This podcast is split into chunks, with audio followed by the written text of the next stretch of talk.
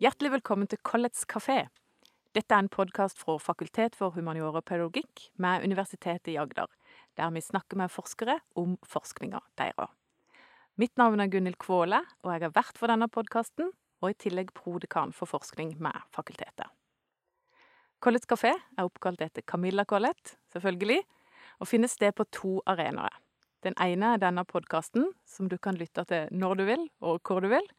Og den andre er et fysisk arrangement som foregår på Teatret i Kristiansand tre-fire ganger hvert semester. Og podkasten er ikke en digital versjon av det fysiske arrangementet, men en selvstendig arena. Og målet med College Café er å få formidla fakultetets forskning til et enda større publikum. Det er mange dyktige folk her ved fakultetet, og de jobber med temaer og problemstillinger som vi vet at det er mange som interesserer seg for, så som historie, filosofi, språk, religion, litteratur, medie, utdanning, barnehage og skole. Og det kan òg være at forskeren her jobber med ting du som lytter kanskje ikke egentlig har tenkt så mye på før, eller visste om at du kunne være opptatt av, men som du oppdager og får lære mer om gjennom denne podkasten. Og i dagens podkast så skal vi snakke om forskning på litterære og estetiske framstillinger av andre verdenskrig i Norge. Om hvordan krigen blir artikulert i litterære verk, filmer, teater, utstillinger, TV-produksjoner. Og jeg er med meg to forskere i studio som er opptatt av nettopp dette. Den ene er professor i nordisk litteraturvitenskap, Unni Langås. Hei, Unni. Hei. Og den andre er Siri Hempel Linde, som er førsteamanuensis i medievitenskap. Hei, hei, Siri. Hallo. Og Unni, la meg begynne med å gratulere deg med stor og prestisjetung tildeling fra Norges forskningsråd til å gjennomføre et stort prosjekt om dette. Vi må lese opp tittelen. 'Making Memories Contemporary Aesthetic Articulations of Norway in the Second World War'. Eller 'Uferdig fortid' på norsk. Så Unni, fortell litt om dette prosjektet. Hva er det det går ut på? Hva skal dere gjøre? Ja, vi skal se på forskjellige typer kunstuttrykk. Det kan være film, litteratur, både barnelitteratur, ungdomslitteratur og voksenlitteratur. Teater, utstillinger, tegneserier. Og alle disse uttrykkene skal være ganske nye, skapt i vår tid, fra ca. ti år tilbake og fram til nå. Og de skal også handle om andre verdenskrig i Norge. Andre verdenskrig i Norge. Og hvis jeg skjønte rett, så er egentlig du interessert der for den tematikken over litt tid? Dette med litteraturen og framstillingen av krigen. Eh, an å spørre deg om, om du på en måte vet sjøl hvorfor du ble opptatt av akkurat det? Eh, jeg tror kanskje det begynte da jeg og en kollega for ca. tolv år siden starta en liten forskergruppe om traumer og traumeerfaringer. Um, og jeg har også forska en del på andre 22. juli-framstillinger. Um, så litt etter litt så har det utviklet seg til um, å se nærmere på, på framstillingen av andre verdenskrig, fordi det uh, skjer på så mange måter, og er en såpass uh, viktig del av norsk kultur i dag. Mm. Definitivt. Og det produseres jo nye fortellinger og nye kunstneriske framstillinger i mange, i mange former hele tida. Og eh, vi har jo med deg, Siri. Siri Hempe Lindø. Eh, Unni hun er litteraturforsker, men det er ikke du. Du er medieviter. Fortell litt om din inngang til dette feltet. Ja, jeg eh, pleier kanskje å si at, jeg, at det er idéhistorieinteressen min. Eh, jeg tok et hovedfag i idéhistorie i sin tid, som kanskje i hvert fall er viktig inngang her for meg. Eh, fordi der er det også en kobling til hvordan Altså en interesse for hvordan fortellinger formes og utformes. Så, så den har vært eh, i bakgrunnen her. Spiller i bakgrunnen. Men selvfølgelig også ph.d.-arbeidet mitt på TV-aksjonen, hvor jeg også har jobbet med fortellinger om lidelse på TV. Og der er det en Det er klart at her er det koblinger også til vårt prosjekt nå. Og kanskje er også en bakgrunn jeg har fra enda tidligere, hvor jeg har sittet og klippet eh, reportasjer i Dagsrevy, utenriksstoff, mye krig, som også har handlet om hva, hva vil man ut når en forteller om krig. Ikke andre verdenskrig i Norge, men i hvert fall eh, en praksis da, som også ligger bak her og ja, kan si, har motivert meg for å gå inn i dette nå. Ja. Så dere har jo nokså sammensatt bakgrunn og utfyllende kompetanse. og eh, Det er jo i tillegg enda flere forskere med. Dette her er jo et tverrfaglig prosjekt der ikke minst kolleger på Fakultet for kunstfag eh, her i Agder skal være med. Vil du ikke si litt om dette tverrfaglige prosjektet og tilnærminga deres?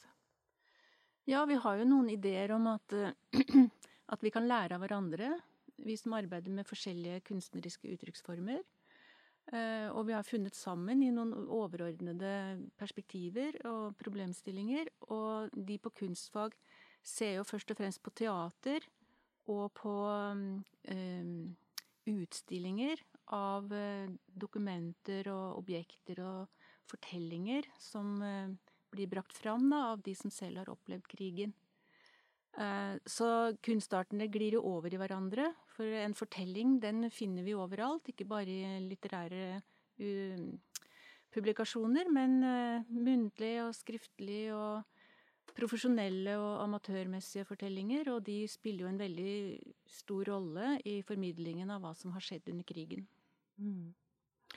Helt klart. Så det er jo både teaterstykker og utstillinger og filmer og TV-produksjoner og litteratur som her blir undersøkt. Så jeg tenker at det er jo på mange måter gjennom de formene der at folk De aller fleste levende i dag, da.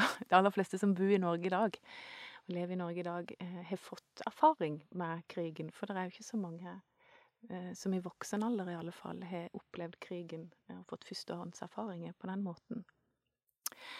Jeg har lyst til å høre enda litt mer, liksom, la dere dykke litt inn i, inn i, selve materien i det dere skal i gang med.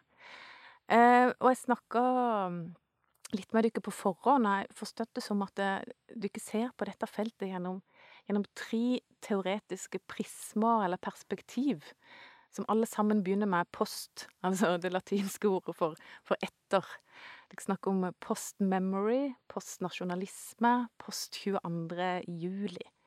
Eh, hva er disse postperspektivene for noe? Unni, kan ikke du begynne å fortelle mm. litt om post-memory? Uh, post-memory er et begrep som er uh, kommet i den situasjonen vi er i nå, nemlig når de som selv opplevde krigen, er i ferd med å dø og bli borte. Så det er en førstehåndserfaring som ikke er der lenger.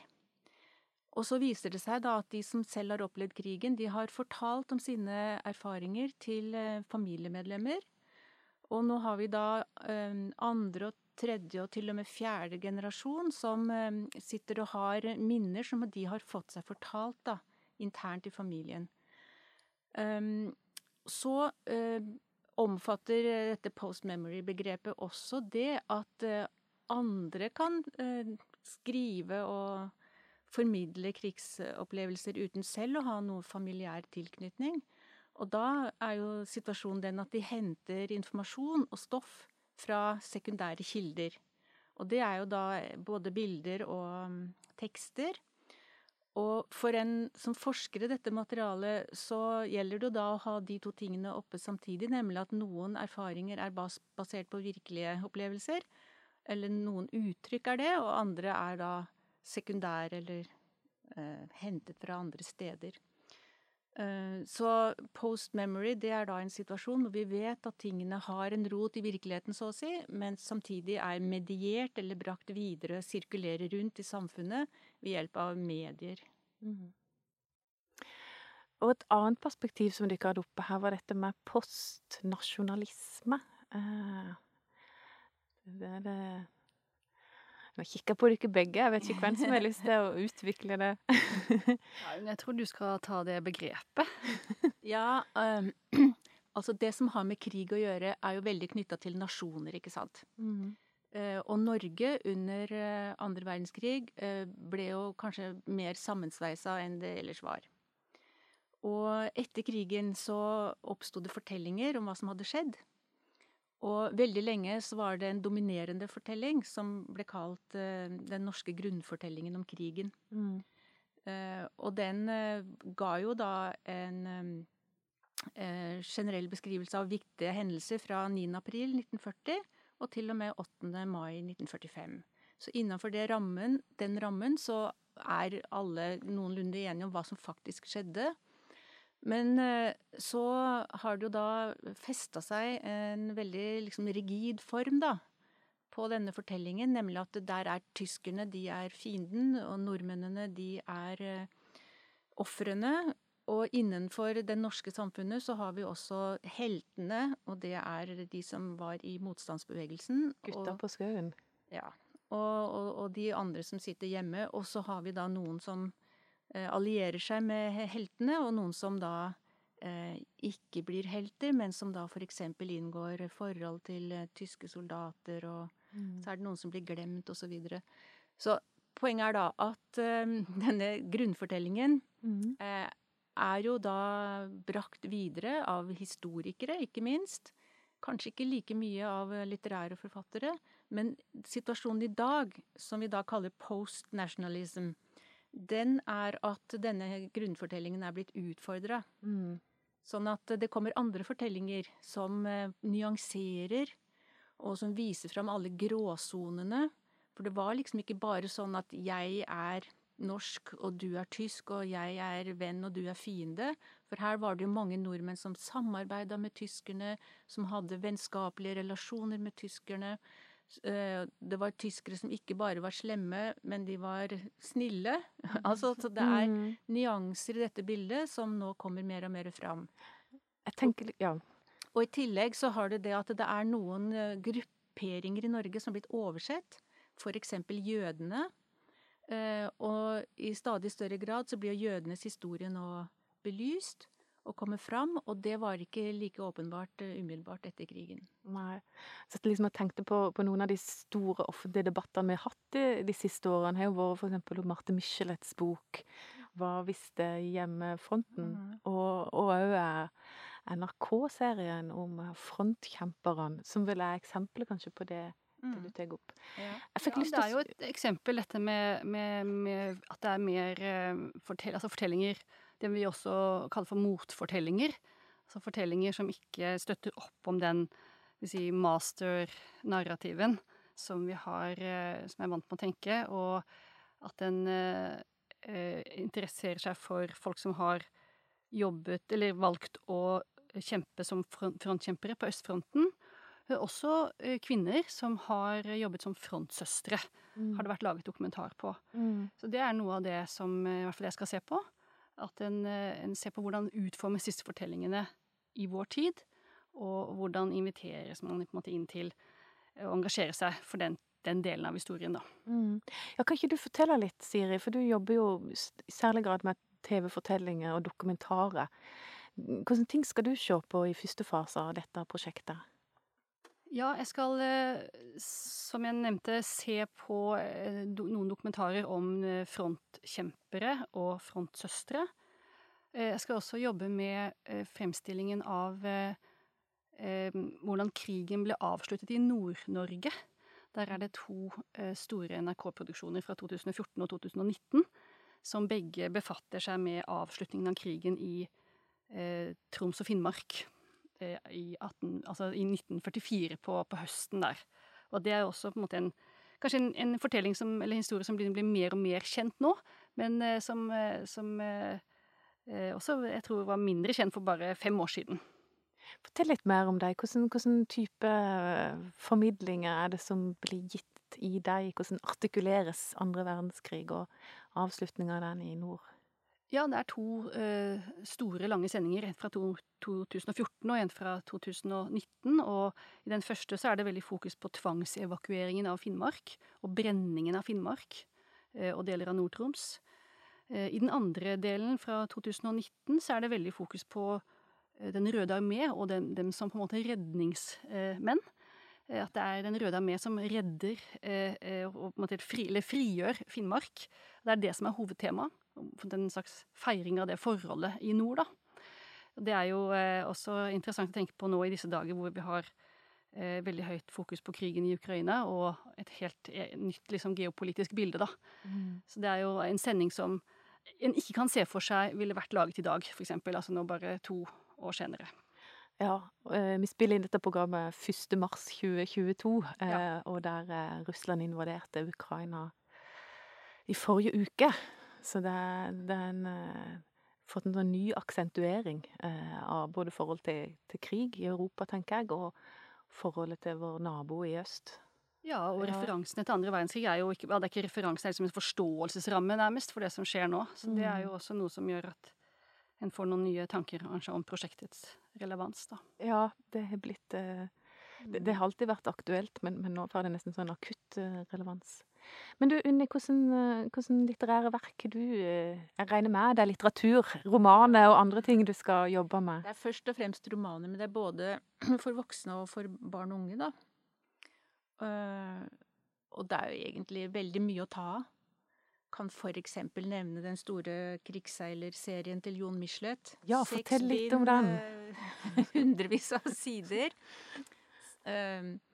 Det er jo på en måte en eh, serie som eh, ble markedsført som å gi eh, krigsseilerne en slags oppreisning.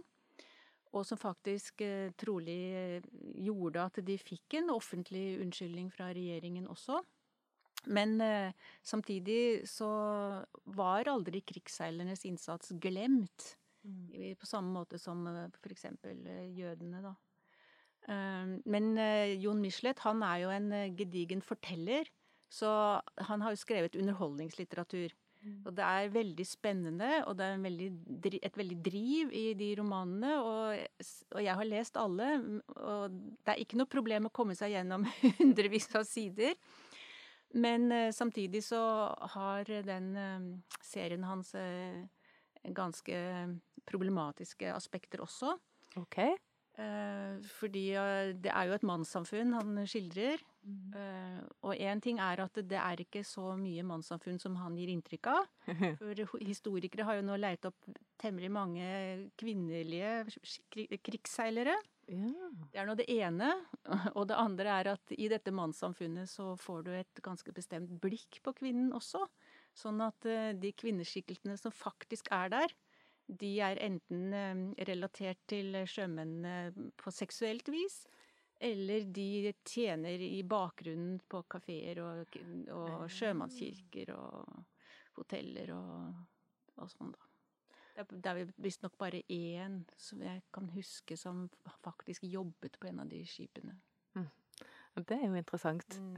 Eh, Og det viser jo at, eh, at de eh, bøkene som blir skrevet i dag, er jo skrevet ut ifra vår tids behov for å få en bestemt type fortelling også, da. Eller eventuelt at de er produsert ut ifra behov for å gi oppreisning til noen bestemte grupper. Eller det kan være andre interesser da, som, eh, som kommer inn og gjør at eh, det er ikke en slags eh, ren eh, fortidsfortelling som blir fortalt. Det kan det jo ikke være, men det er en fortelling som er blandet sammen med ganske mange andre intensjoner. Mm.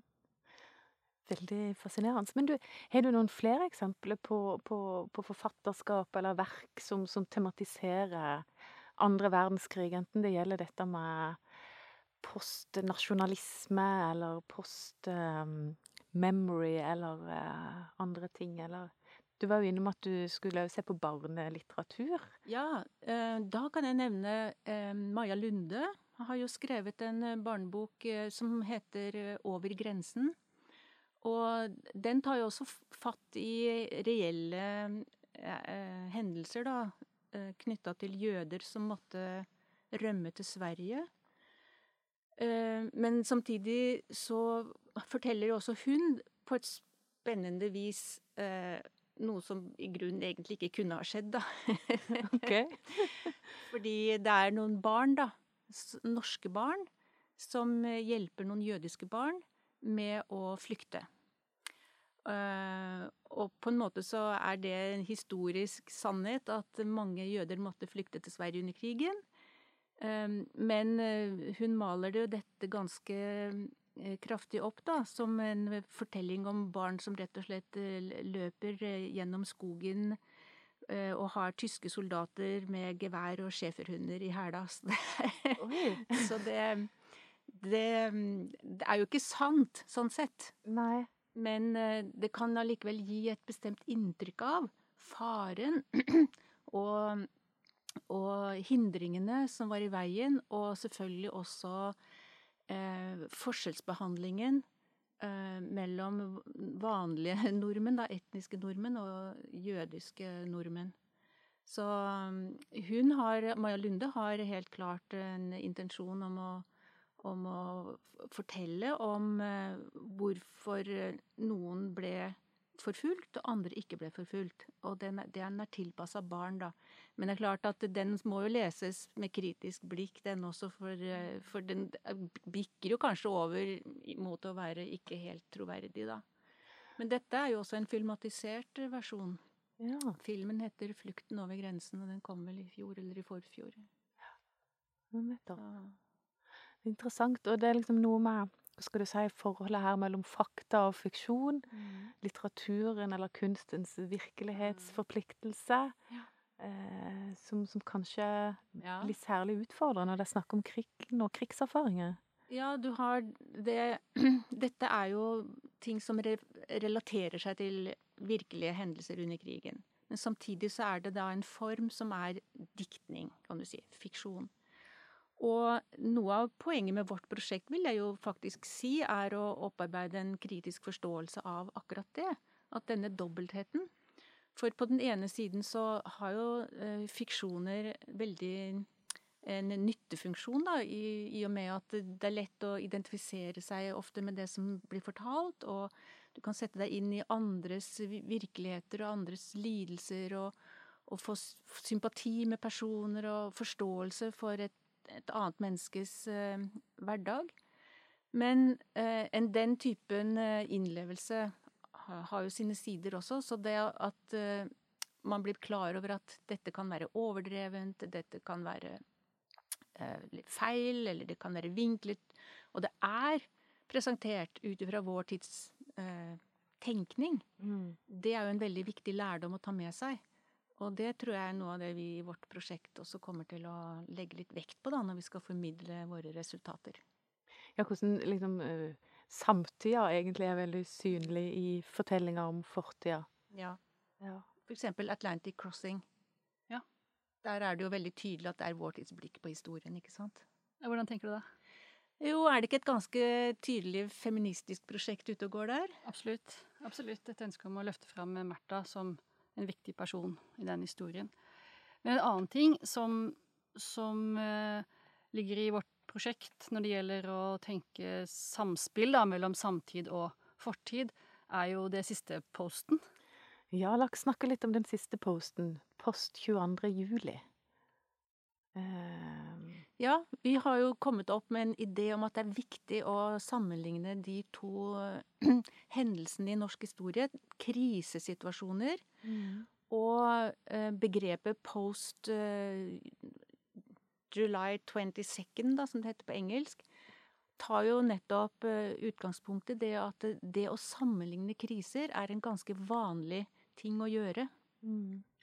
Og i Norge så skjedde det kanskje på to plan, da, når vi opplevde 22. juli 2011, at eh, vi fikk en sånn retorikk rundt eh, den krisa, eh, terrorangrepet, som gikk ut på at ja, dette har ikke skjedd i Norge siden andre verdenskrig, og dette må aldri skje igjen, og sånn. Så du kjenner igjen disse formuleringene som politikere og andre tyr til når de mm. skal sette ord på en akutt krisesituasjon. Um, men så kan vi gå litt dypere inn i den sammenligningen, og da handler det om terror. For hvor, hvor kommer terroren fra? Hvordan oppstår terroren? Er det noen linjer fra eh, 1940-tallet og fram til 2000-tallet? Og det er det jo da noen f.eks. skjønnlitterære forfattere som uh, har pekt på at det er. Mm -hmm. og kan nevne Kjartan Fløgstad, okay. som har skrevet en roman som heter 'Du og drone'. Når kom den? Han, den kom vel i 2020, tror jeg. Ja, altså et lite tiår etter 22. Ja. juli. Mm -hmm. Den er ganske ny. Det er den siste romanen hans. Og der, eh, der, har han akkurat de to eh, historiske hendelsene i kontrast til hverandre, da. Han, han, han liksom eh, stiller dem sammen Ikke bare for å si at ja, her har Norge opplevd noe fælt to ganger, men her er, han postulerer nærmest at det er en grunn til at det fins terrorister i Norge i dag. Fordi vi har liksom aldri blitt kvitt disse tendensene til eh, ekstreme høyreradikale holdninger. Og han mener jo da at, eller han framstiller det sånn i romanen sin, som at det var eh, krigsprofitører eh, i Norge som fikk lov til å fortsette med sine sympatier med nazistene og de høyreradikale kreftene, og at dette har lagt et et slags eh, grunnlag da, for at eh, terrorister kan fortsette å operere på norsk jord. Det er jo interessante perspektiv som jo skjønnlitteraturen gir noen helt andre muligheter til å utforske enn f.eks. historievitenskapen. Eh. Og så har du også dette med identiteten rundt å være god. Ja. At, eh, at der er det vel også en interessant ting å undersøke. Altså kulturen etter andre verdenskrig som lenge har vært eh, det at det er oss og dem. Altså det er på en måte de, de gode mot de som valgte feil. Eh, og at dette er en sånn, en sånn en, sterke hendelser setter sterke følelser i sving, og sterke prosesser i forhold til å ha behov for å plassere det gode og det onde langt fra hverandre. Mm. og noe av det samme kan en kanskje si har skjedd i forbindelse med 22. juli. At en får en Eh, altså en veldig sterk behov for å polarisere, da. Eh, men når en ser nå ti år etter, så jo, er det jo mye mer problematiseringer eh, av det allerede nå. Eller allerede kan man kanskje si det er, det er, for, det er ikke veldig raskt, men, men, at en så nå i 2021 at en, en hadde mye mer eh, si, konfliktlinjer oppe da, i forhold til hvordan den historien er blitt fortalt, og hvordan eh, denne holdningen til 22. juli og hvem som ja, forteller hva. At, det, at det, dette med ja, eh, blant annet eh, hvordan, eh, skal vi si Synet på Arbeiderpartiet At det har blitt mye mer kompleks, da de siste tida. Så det er også noe med den parallellen der at man man undertrykker ting hvis ting blir for kanalisert i forhold til en sånn en vi, dem, det gode onde. Ja, samtidig så tenker jeg liksom um, Sånn som jeg forsto på deg, så, så er liksom den dominerende narrativet i en del tiår, vil jeg tro, etter andre verdenskrig, var de onde mot de gode, heltene mot fiendene.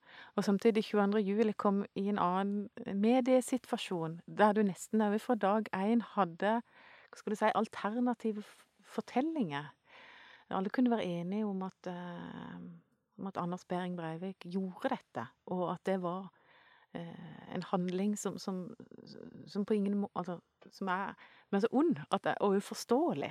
Eh, og samtidig så kommer det nesten samtidig òg liksom tvetydige fortellinger om Arbeiderpartiets rolle og Altså konspirasjonsteoriene har jo liksom òg vært en del der. Sånn at det, det er komplekse fortellinger, altså. Ja, det er jo ikke på noen måte en én-til-én-situasjon, men det er derfor det kanskje blir interessant å undersøke eh, hvordan dette her behandles, og hvordan også ulike estetiske si, uttrykk kan ta fatt i dette her, da. Definitivt. Definitivt. Jo, du har jo nevnt den litteratureksempelet, og så har vi jo også eh, teatereksempler som eh, ja. kollegene på kunstfag jobber med, som også kanskje først og fremst tar fatt i dette her, da. Ja, det, det det er jo ingen av oss som sitter her, som har, som har minne om, om krigen. Men, men, alle vi som sitter her, var jo voksne eh, 22. juli 2011. Sånn at det er en sånn levd erfaring på en annen måte. Mm. Selv om ingen av oss heldigvis var på Utøya eller i Oslo den dagen. Eh, jeg tenkte òg på, på, en liten, eh, en liten ting liksom mot slutten. For det er jo internasjonalt prosjekt, dette. Samtidig som at det handler om andre verdenskrig i, i Norge. Eh, hvorfor er det viktig med et internasjonalt perspektiv og et internasjonalt samarbeid i et prosjekt som handler om krigen i Norge? Ja, nå er det jo et eh, internasjonalt teorifelt vi jobber innenfor. Uh, det kalles Memory Studies.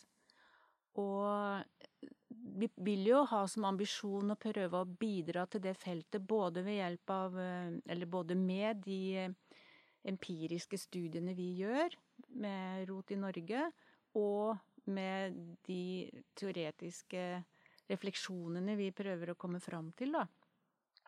Men en annen ting er jo at relasjonen mellom Norge og Tyskland er jo ganske viktig i vårt prosjekt. Ja, det vil jeg tro. Og de internasjonale samarbeidspartnerne vi har, de er fra Tyskland. Ja. Eh, og det er jo også litt eh, artig å nevne, da, kanskje at eh, de snakker og forstår norsk. Sånn at, at i vårt prosjekt så kan vi ha norsk som, som praktisk språk, da. Mm. Og de jobber også med skandinaviske studier i Tyskland, sånn at vi ser for oss at, at det vi arbeider med, kan formidles innenfor språk- og litteraturopplæring i Tyskland, og historie, og eh, overfor studenter der, da. Ja, det får, eh, jeg får tenke Norge er del av Europa, del av verden, så, så fremstillinger her er definitivt eh, hva skal du si, verdi for andre utenfor Norge òg å, å ta del i. Ja, og så er, eh, er det jo også sånn at uh, Tyskland ligger kanskje noen skritt foran i forhold til å bearbeide et eh, Det vil jeg eh, tro. kompleks historie rundt eh, det med å, å ikke skille så lett mellom godt og vondt, da. Ja. Eller de og de, også de andre. Altså det, det de har på en måte en Vi har mye å lære av dem òg, tror jeg. Ja, det, det kan du si. Vi nærmer oss en avslutning. Eh, Det er i dag, som jeg nevnte, 1. mars 2022, og prosjektet har faktisk oppstart i dag. Så dette var jo eh, Jeg tenker vi ser på dette som en gigantisk kickoff for, eh, for prosjektet. Eh, som da altså skal gå i fire og et halvt år, med finansiering fra eh, Norges forskningsråds eh, fellesløftsatsing. Um, og jeg gleder meg til å følge det, både som kollega og fra prodekanstolen min. Um, så jeg tror bare jeg skal runde litt av. Takke dere for, eh, for samtalen. Veldig fint å ha dere her i studio. Et, eh, det er en samtale som, som jeg må si den ut, Jeg kjenner jo prosjektet litt, altså, men, men det å lytte til deres formidlinger det, si, det utvider mine perspektiv både på liksom litteraturen og kunsten og kulturens rolle i samfunnet. Ikke minst når det gjelder hvordan vi forstår, tenker, snakker om eh, om andre verdenskrig, men for så vidt òg krigserfaring eh, mer generelt. Så Collets kafé takker for praten. Vi høres igjen.